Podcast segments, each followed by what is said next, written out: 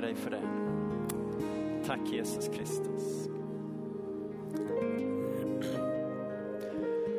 Jag känner att jag vill be för dig som eh, var som att jag fick, jag såg hur, hur Gud rörde särskilt vid några hjärtan, liksom tog, ja, det är ju som det är, man tog in handen genom din kropp och liksom höll i ditt fysiska hjärta. Jag ser det som en bild på att han, om du, om du vid något tillfälle här den sista tiden har blivit sårad djupt och du, det, det har gått in. Du vill egentligen kanske inte erkänna att det har gått in, men för du ska ju vara liksom förlåtande och stark och så vidare. Men, det sitter där. Och jag tror att Jesus, eller jag vet att Jesus är hos dig just nu.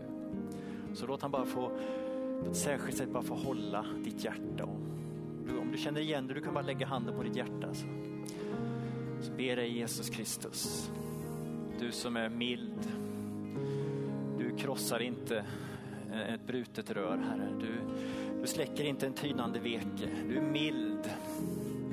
Tack att du kommer nu. Tack att du kommer din nåd och din barmhärtighet in i det. Du som läker sår. Du som är vår helare Jesus Kristus.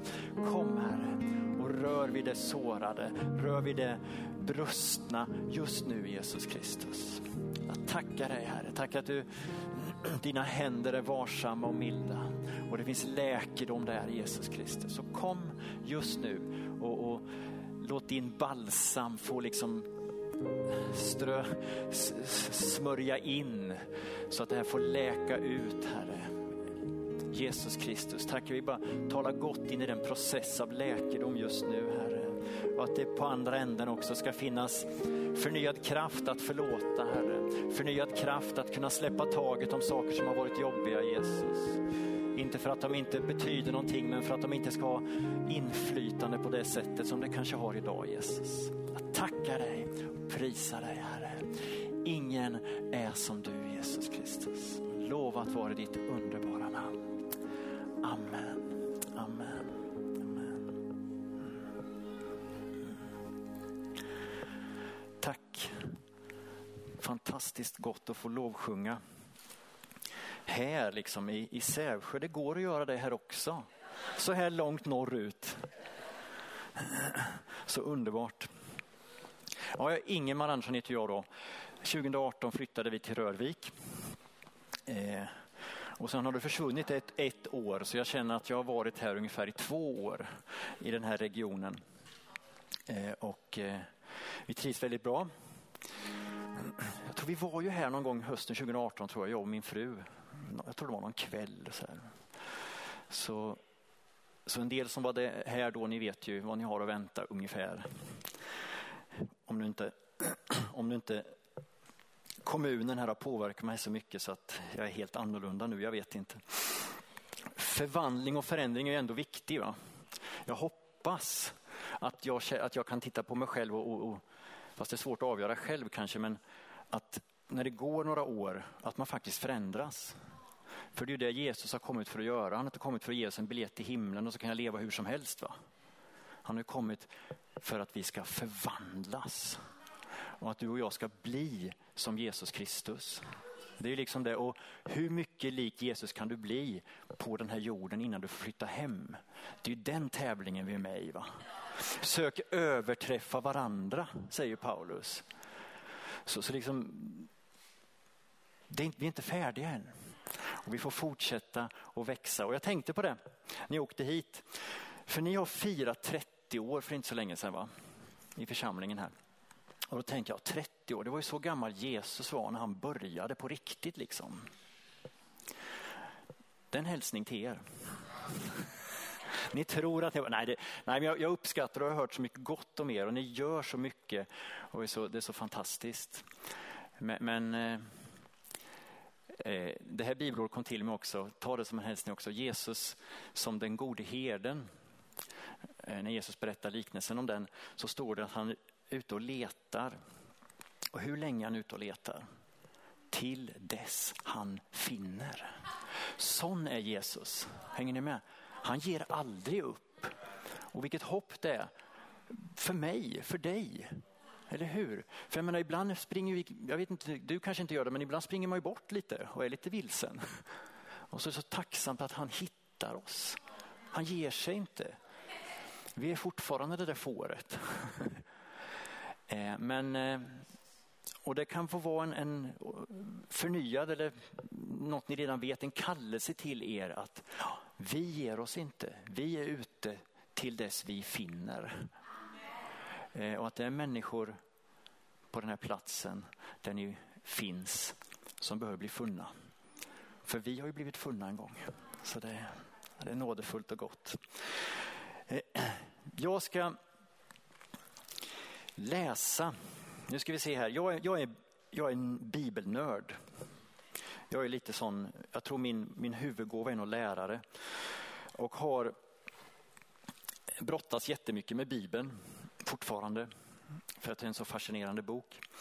Eh, men jag ska, jag ska göra ett litet försök med här idag. Eh, lite längre fram. Men jag tänkte jag skulle börja eh, i Johannesevangeliets fjortonde 14 kapitel och läsa några verser. I våra biblar, eller i min i alla fall, så står det avskedstalet kapitel 14 till 17. Det stod ju inte i den ursprungliga bibeln givetvis, men det här är Jesus sista kväll med sina lärjungar innan han eh, fängslas, ställs inför rätta, avrättas. Och i Matteus, Markus och Lukas så finns det inte jättemycket vad han säger till lärjungarna den sista kvällen där. Johannes har plockat upp ganska mycket stoff som Jesus då ger vidare. Och det här är ju, för ni vet han sitter där, eller står, han sitter väl eller ligger vid bordet och det är liksom en, en bägare som är det nya förbundet finns ju i det här sammanhanget. Så det Jesus talar om här, 14, 15 och 16, det är ju nya förbundet grejer som han liksom talar in i sina efterföljare. Löften som liksom kommer att bli verkliga längre fram. Och de här är ju liksom inte några lättköpta löften från Jesus. För han kommer ju betala med sitt eget blod för att de här löftena ska bli giltiga och verkliga. Så det är dyrköpt.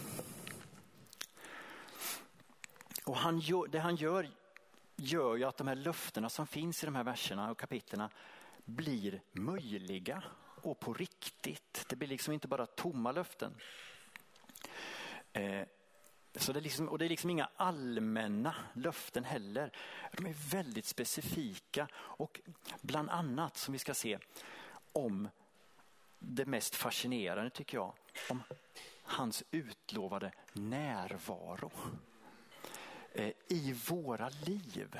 Och är, man, man, får ju nypa sig i armen. Jag vet inte om du har läst Matte, eller Johan, Lukas, nej, Johannes vad är i 14 här och 15 och 16. För Johannes skriver ju på ett sätt som man bara fattar vad fattade jag vad, vad jag har läst precis nyss? Ungefär så. Det är som att orden och, och vändningarna är till för att man bara ska stanna upp och, och leva, idissla de här orden. Eh, det är svårt att förklara dem. Man får någonstans bara, ja, jag vet inte. Man får, man får tro på dem, vad nu det innebär egentligen. Eh. En, en vers i 16 kapitlet också så, så säger Jesus så här. Nu, nu, får ni, jag har ingen sån utgångstext, ni får bara följa med. Jag, så här, jag säger er sanningen, säger Jesus där. 16 och 7. Det är för ert bästa som jag lämnar er. Ty om jag inte lämnar er kommer inte hjälparen till er. Bara det här, tänker om Jesus inte hade lämnat dem. Han hade uppstått, han hade liksom ja, satt sig någonstans i Jerusalem då, kanske då. Och sen när du skulle ha hjälp av honom så var du tvungen att köpa en, tågbil, en flygbiljett kanske till och med. Eller kanske åker tåg numera så man inte får sån här flygskam. Man har fått ta sig ända till Jerusalem. Ta något köbricka eller någonting och ställa sig i kö och ta sig fram till Jesus. Och så får man säga det man vill och så får man åka hem liksom och hoppas att man får ett svar sen någon gång. Men Jesus säger nej. Det är för ert bästa att jag lämnar er. För jag kommer att sända hjälparen. Och det här fascinerande nypa mig i armen-luftet om hans inneboende närvaro är ju så fascinerande. Lyssna på det här, 14 och 20 i Johannes. Då säger Jesus här, 14 och 20. Den dagen ska ni förstå att jag är i min fader och ni i mig och jag i er. Den som har mina bud och håller dem, han älskar mig. Och den som älskar mig ska bli älskad av min fader. Och jag ska älska honom. Och så kommer det här. Och visa mig för honom. Fatt, vad, vad säger han? Jag är hans lärjunge, du är hans lärjunge. Och så är Jesu löften att jag, jag ska visa mig.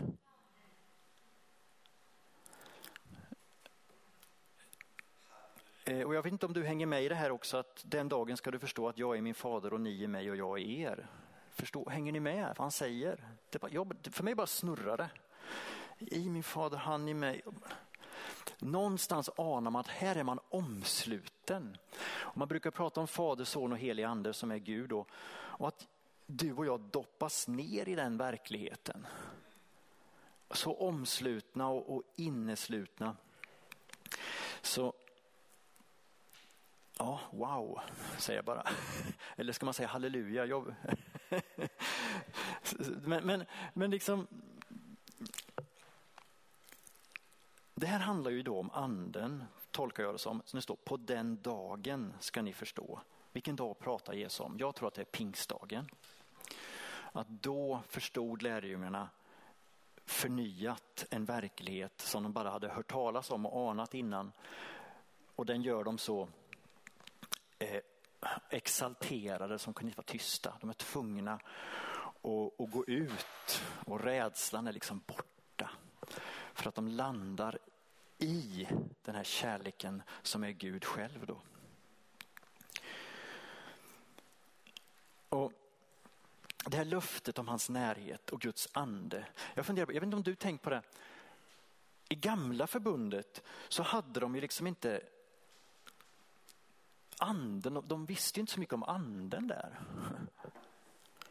Men det står ändå om Guds ande. De tänkte ju ändå att Gud var en, hänger ni med?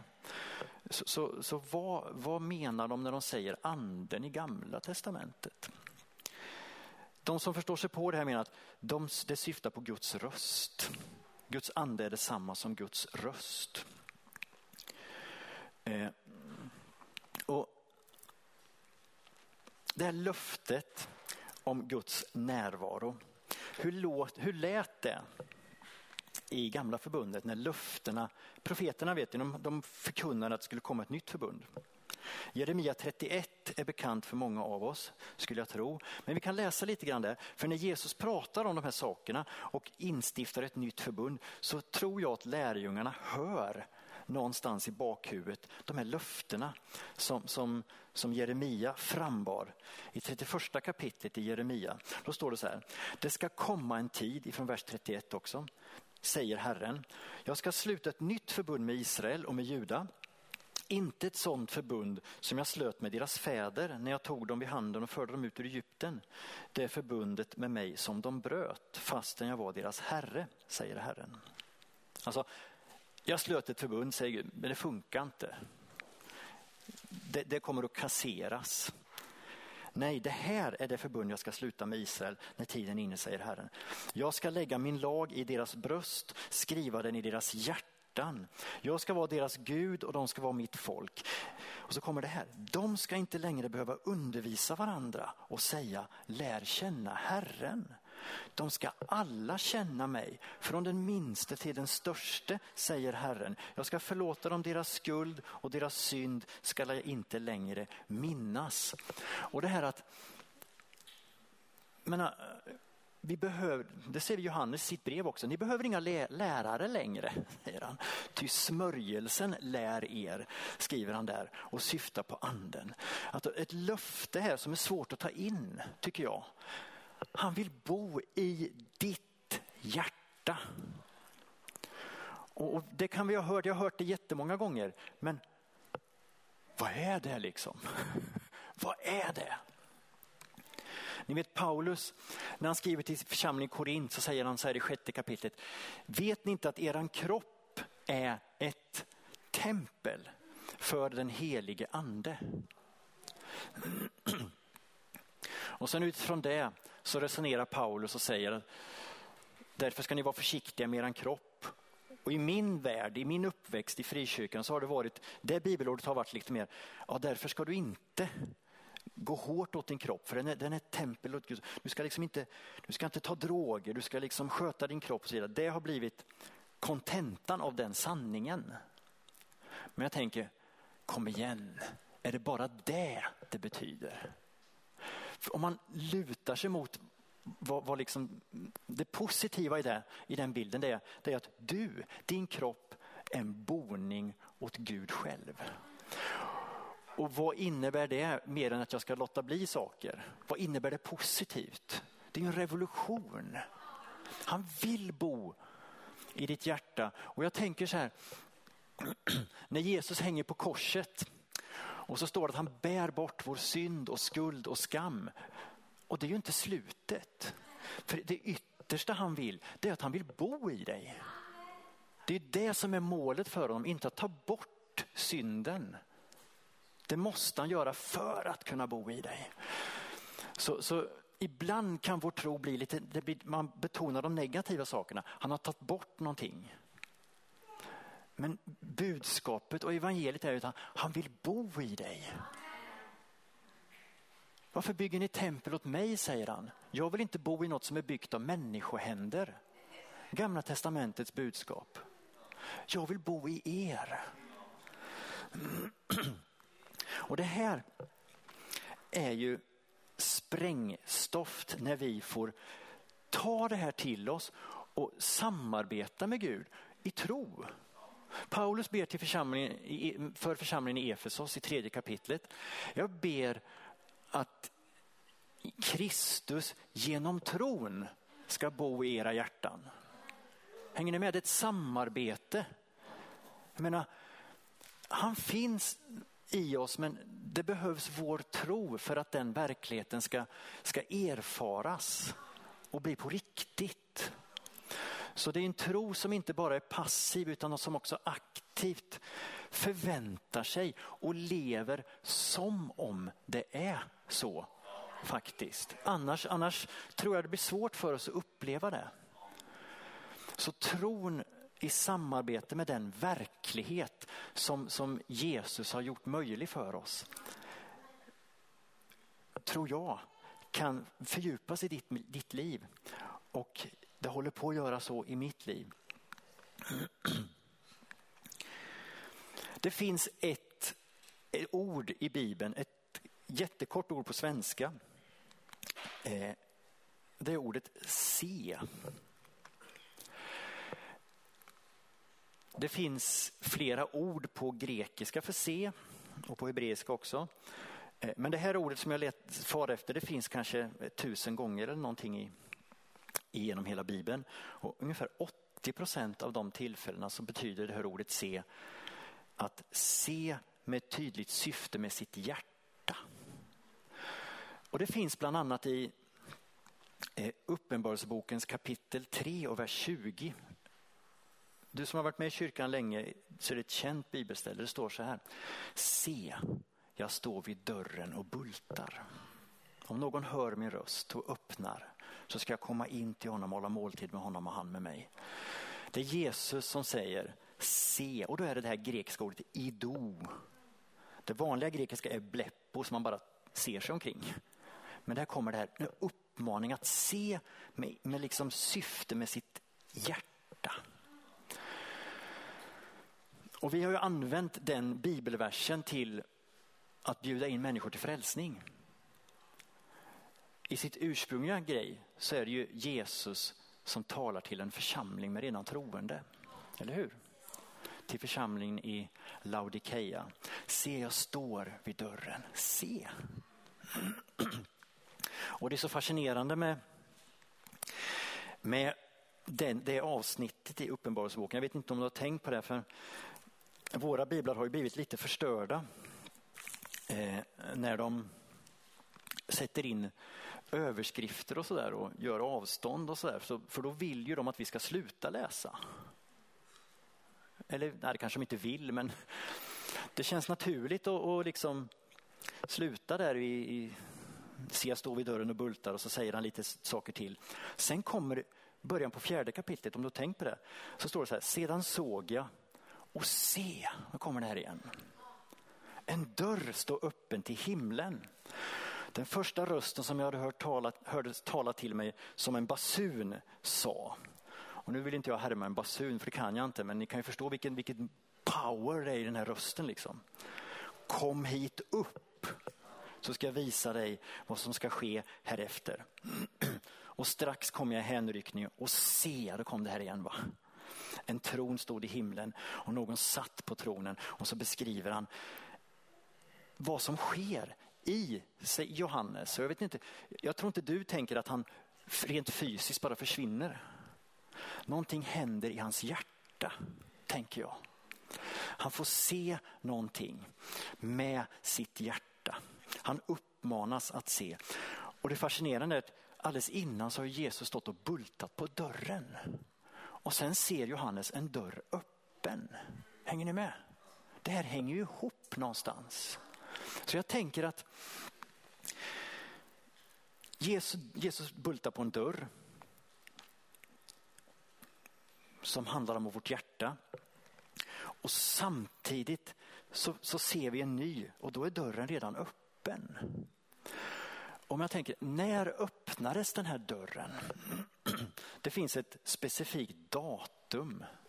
Jag kan inte datumet men det finns en specifik historisk situation när den här dörren öppnas. Och det är när Jesus säger det är fullbordat. Vad händer då i templet? Förlåten, förlåten rämnar och det är öppet ända in i det innersta av Gud. Och då är det här, tänker jag mig, en inbjudan att se den verkligheten med sitt hjärta. Så det här är ju en, en mötesplats mellan dig och Jesus. Och den kan ske och den sker i ditt hjärta tänker jag. Se med syfte på sitt hjärta. Så ditt och mitt hjärta kan vara det här tronrummet som Johannes bjuds in i. Våra hjärtan har plats för det. Du anar inte hur stort ditt hjärta är. Det finns, det finns bibelöversättningar och så finns det bibelöversättningar. Och I Gamla testamentet på något ställe står det så här i en översättning. Ett fördärvligt ting är hjärtat.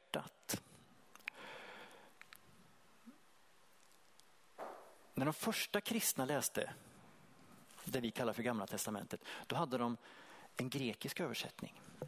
Nu ska ni se om ni hänger med här. En grekisk översättning som var deras bibel. Och där har 70 judar i Alexandria 200 år före Kristus översatt bland annat den här versen i Jeremia om vårt hjärta är bedrägligt. Och de översätter det så här, det tycker jag är intressant. Vårt hjärta är djupt. Punkt. Alltså inte bedrägligt utan djupt. Det är en ganska stor skillnad. Om vi har en förväntan att vårt hjärta är bedrägligt, vill dra iväg och lurigt och, och helt bortom räddning som det står igen. Då gör det någonting med oss. Men de första kristna när de läste Jeremia där så stod det vårt hjärta djupt. Och jag vill luta mig åt det istället. Vårt hjärta är en plats där Jesus vill bo, den helige ande vill ha sin boning. Sen är ju vi kluvna ganska långt ner i hjärtat. Men i botten så finns det något väldigt gott. Vi är skapade till Guds avbild. Med syfte att härbärgera honom. Så vårt hjärta är ju en mötesplats för honom. Och Bibeln målar ju upp kreativt olika mötesplatser där vi kan möta Jesus. Kung David vet ni, innan han blev kung så vi tror att, nej det kanske inte var innan förresten, men han har skrivit en psalm som är väldigt känd i den 23 psalmen. Där han målar upp att Herren är min herde, ni kan den där va? Han låter mig vila på gröna ängar, han för mig till lugna vatten. Och... Hela den är ju en inbjudan för dig och mig. Att möta honom där på den gröna ängen. Eller vid de lugna vattnen. Eller i den dödsskuggans dal. För han är där. Och passager i våra liv, i våra hjärtan kan ju vara hemska och jobbiga. Och liksom andra saker. Men den salmen bjuder in till ett möte. Och jag kan samarbeta med de orden. Hänger ni med? Så att jag får möta honom där. Och det finns fler sådana mötesplatser som vi kan använda i Bibeln. Och en av, en av dem är ju vid korset. Där vi kan få möta honom, där, där vi kan få byta med honom. Jag kommer med min skuld och min skam och lämnar till honom och jag får lovsång och tacksamhet tillbaka liksom. Och så byter vi. Och det här är ju fascinerande tycker jag. Att du och jag, vi har ju fått, vi är skapade med massor med olika förmågor. Fantasi bland annat. Som är Guds gåva. Och vad tror ni han har lagt ner fantasi, möjlighet till fantasi i oss för? För kommunikation, troligtvis. Han ville kommunicera med oss. Och vi på något sätt plockar bort ganska många sådana förmågor och så, kan vi inte, så använder vi dem inte för det det är till för egentligen. Så, så jag tänker så här, att skapa mötesplats i sitt eget hjärta, då behöver du ha din fantasi igång. Det, för mig är det att tro. Jag förutsätter att han finns där. Och det kan kännas som att jag hittar på någonting själv. Jag ska försöka förklara vad jag menar. Jag har fått eh, den sista tiden inbjudits att göra lite sån här, använda min fantasi. Bland annat i en eh, i en vi har ett material i vår församling som heter Nycklar till frihet. Som har på syfte att hjälpa människor som man kan fastna i olika ja, vad heter det, beroendeställ, liksom, man blir slav under olika saker. Dåligt humör, droger och massa saker. Och då är det en övning där man ska liksom träna i att höra Guds röst. Eh, och då är det en sån här liten rolig övning där man uppmanas att fråga Gud, Gud om du vill jämföra mig med ett djur, vad skulle det vara för djur? Skulle man, ska man säga till Gud då. Och så kan man bara vara, vara tyst och vänta på att han svarar då. Och det här kan ju vara en sån här, man, man, man gör det och sen tänker man att man hittar på ett djur. För mig blev det absolut inte så. Jag blev så förvånad och jag ser Guds humor. För, för jag försökte liksom, när jag hade gjort den så, så var jag i, i liksom stilla och så här. Och, försökte använda min fantasi som det kom något djur så här. Och man försöker liksom tänka sig något pampigt, stort liksom så här. Och så kommer det liksom helt, som en, helt överraskad från sidan så här. Sengångare. Va? Va?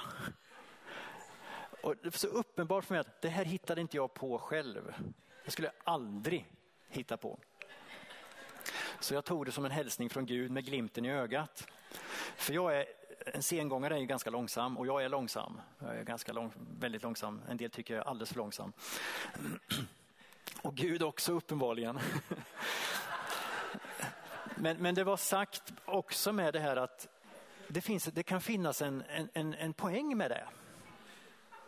Att inte bara rusa på, att inte bara köpa allting som man hör utan stanna upp, idissla, fundera så att man inte, ja, man är liksom en noggrannhet på ett sätt. Så vill jag tolka det. Och sen, eh, så, så det var en sån här, wow, det fungerade. Att Jesus kan vara så personlig och ge det här som, som ingen annan skulle ha sagt till mig. Och när han, om någon annan hade sagt det så kanske man hade blivit lite stött. Men när det kom så inifrån så bara wow, vad häftigt. Eh, så det finns olika mötesplatser. Och vi ska göra så här nu. Jag tänkte vi skulle gå in i en sån här en liten övning här där, där du, där du sitter ska liksom använda din, din själsförmögenhet och, och fantasi och så här, för att och, och ta steg här och möta Jesus. Eh, och då ska vi bygga upp någon form av scen eller jag vet inte vad man ska kalla det för, en, ett sammanhang. Eller om du vill använda någon av de här bibliska mötesplatserna, tronrummet, korset, den gröna ängen. Eller så här. Men, men, men att hitta en plats där du känner dig trygg. Det kan ju vara var som helst egentligen, du kan möta Jesus var som helst. Och det fascinerande, jag hörde en berättelse om en kvinna i 70-årsåldern som var med om en sån här övning. Och då var liksom poängen att man bara skulle, man skulle bara skapa det här och se Jesus se på honom utan att förvänta sig någonting ifrån honom. Bara, bara se det han har åstadkommit och, och bara i tacksamhet se på honom och se att det här är lönen som Jesus får. Han får människor som ser på honom med djup tacksamhet. Och så gick man in i den här övningen, kvinnan, Eh, 70 års ålder då. Efteråt så berättar hon att när hon, när hon gjorde det här så, kommer, så lösgör sig Jesus på något sätt och går fram till henne och, och, och rör vid hennes, hennes haka så här, och kinder, så här, lite kort bara och sen tillbaka. Och sen när de har avslutat det här så, så säger hon så här. All min artros i nacken nacke har försvunnit fullständigt, säger hon. Och då blir det så uppenbart att det här är ingenting som hon hittar på. Hon sitter och ser Jesus framför sig som hon då kanske då, kan vi tycka, har liksom använt sin fantasi och skapat. Men i det så gör Jesus någonting. Så hon hade ju, hon hade ju behövt göra så här förut. Ni vet hur det kan vara, kanske. Och det bara, det bara var borta. Så det, det kan ske spännande saker. Eh, och vi ska göra det här och vi ska försöka lyssna in vad Jesus säger. Jag gjorde det här vid något tillfälle eh, och då satt jag eh, hemma, tittade ut utsikten hemma och så, och så upptäckte jag att Jesus satt bredvid mig. Så jag såg ju inte hans ansikte. Och så säger han så här. Nu ska vi se hur jag, så jag får det. Du kan ju bättre än så här, säger han till mig. Så det är personligt. Och man kan ju ta det som en anklagelse, men det var, det var liksom inte, det var så mycket kärlek och så mycket, och det var det, var det här nåd och sanning kombinera bara gick rakt in. Och, bara, och man bara, ja, du har rätt Jesus. Eh, inte den här domen. Utan den, och det är också så här, jag hade inte kommit på det själv. Han är personlig, han talar din dialekt. Va? Eh, och det, man bara wow, så tacksam. Så, så, det här har blivit och håller på att bli för mig en, ett, ett sätt att umgås med Jesus. Jag har varit mycket i sammanhang där man ska lära sig att profetera och höra vad Gud säger till andra människor. Eller så va? Men, men att, att höra för sin egen skull. Det är nästan lite svårare tycker jag. Framförallt när man, är, när man jobbar så här med människor, man ska liksom se, se andra människor så här, så det är lätt att glömma bort sig själv i det perspektivet. Så det här, det här skulle jag bara inbjuda er till att vi kan göra nu här en stund. Och då skulle jag vilja, när du kom hit idag så kanske inte du kände så här, det här kontraktet har inte jag skrivit på, att jag ska liksom vara med på något sånt här. Men känner du att, att, att du inte vill så låt bli då. Men då får du ta respekt för de andra som kanske vill då. Men vi ska göra så här, vi ska, du ska försöka, vill, vi ska blunda och sen så ska vi, och även om du som, du som sitter kanske hemma också då, har ju du möjlighet att vara med här, även du sitter ju redan skönt troligtvis i en soffa eller så. Men att, att vi, vi blundar och sen så försöker vi på något sätt, och vi kanske inte ens behöver försöka, det kanske dyker upp någonting direkt. En plats där du är trygg, som du kan se eh, när du blundar med din fantasi. Är det hemma i någon fåtölj eller är det vid en strand med, med en vacker utsikt? Är det på ett berg eller eh, är det på den gröna ängen eller i tronrummet framför Jesus? Eller framför Jesus på korset. Ta en plats, eller om du får, om det kommer till dig så, så är du där. Och I en del sammanhang så kan man ju fundera på också hur gammal är jag i den här bilden? För en del av oss, man kan ju ha fastnat i vissa åldrar, man har varit med om traumatiska händelser så ens själ på något sätt är fryst på vissa, i viss ålder kanske. Men det vanliga är kanske att man är i nuet här. Och man är där och sen försöker du också se var, var är Jesus någonstans i den här bilden. Var är Jesus? Kommer han gående mot dig? Springer han dig till mötes? Sitter han bredvid dig, framför dig? Var är han någonstans?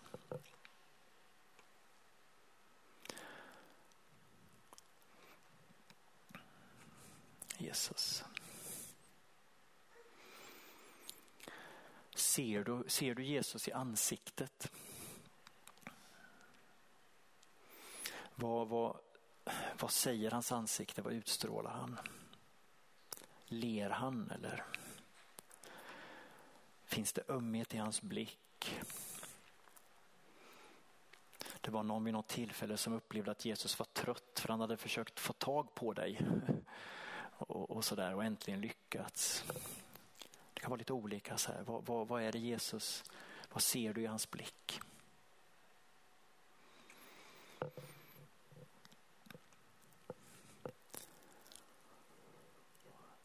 Och sen om du kan uppfatta om han säger någonting till dig.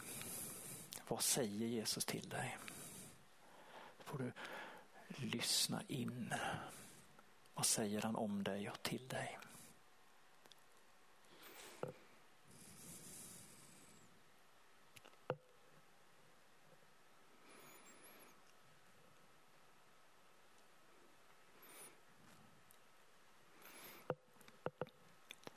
Jesus, jag tackar dig. Du är personlig. Tack att du är nära oss varenda en. Du är i vårt hjärta. Och jag vill tro att du talar till oss just nu. Jesus.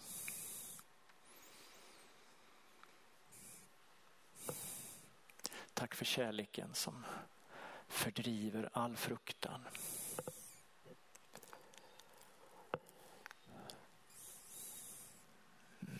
Tack Jesus.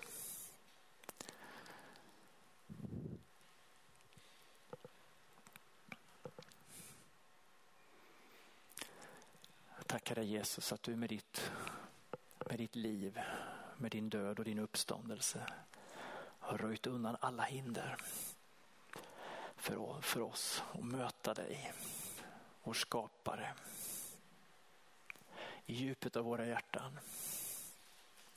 Jag tackar dig för det.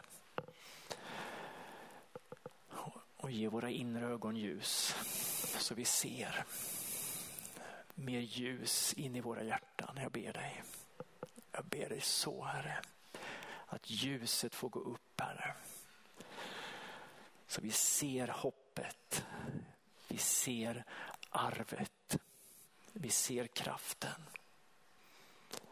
Som är en verklighet här och nu Herre. Vi vet att vi blir förvandlade av det vi ser.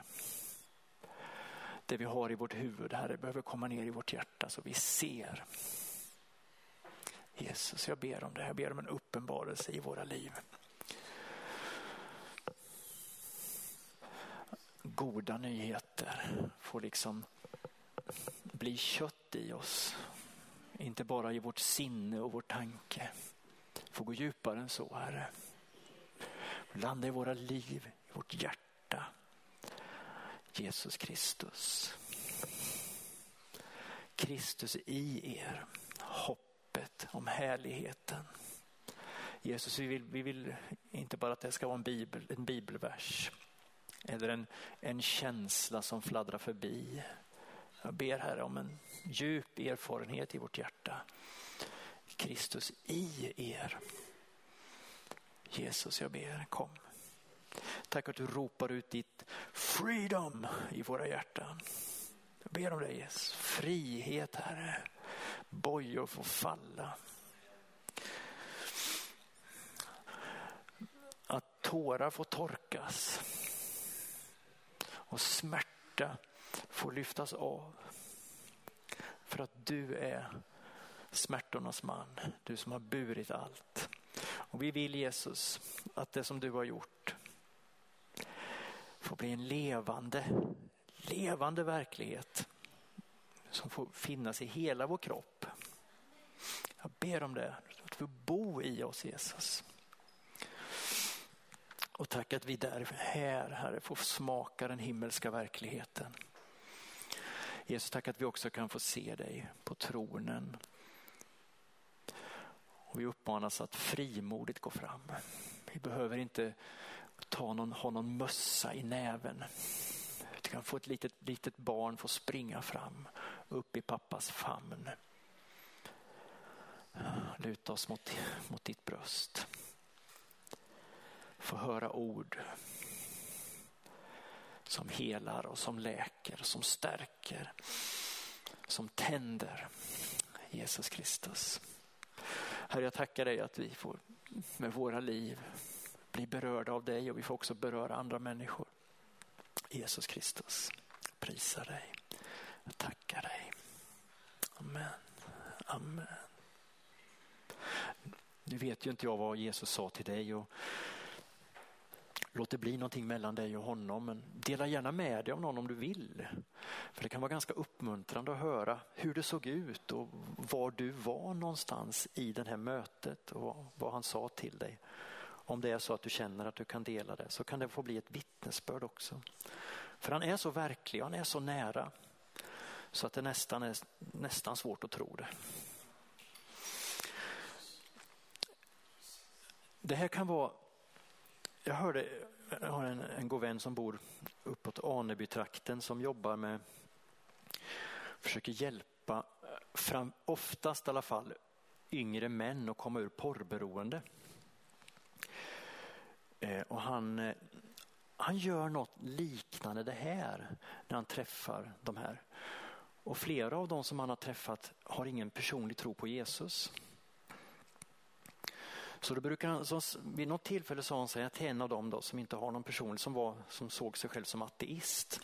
Och då sa han så här, ja, vi brukar göra så här också i det här programmet som vi har, att vi brukar bjuda in Jesus i livet och så, och så liksom få, se, få se vad som händer. Skulle du, skulle, skulle du känna dig okej okay med det?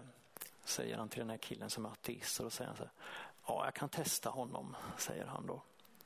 Och så gör han ungefär som vi har gjort nu då och, och, och ber liksom, okej, okay, då får du föreställa dig Jesus och, så, så, som du föreställer honom. Och så, så gjorde han det. Och sen, så går det en stund och han är tyst. Och sen efteråt så tittar han upp och så har han tårar i ögonen. Och så säger han så här, ja jag såg Jesus. Sa han någonting? Ja, han sa att jag är bra. Och det har aldrig mina föräldrar sagt till mig någon gång, säger den här killen. Så han får ett möte med Jesus, den här ateisten, i sitt hjärta. Vad, vad liksom, är Gud större eller? Vi har våran teologi. Jesus är större än det.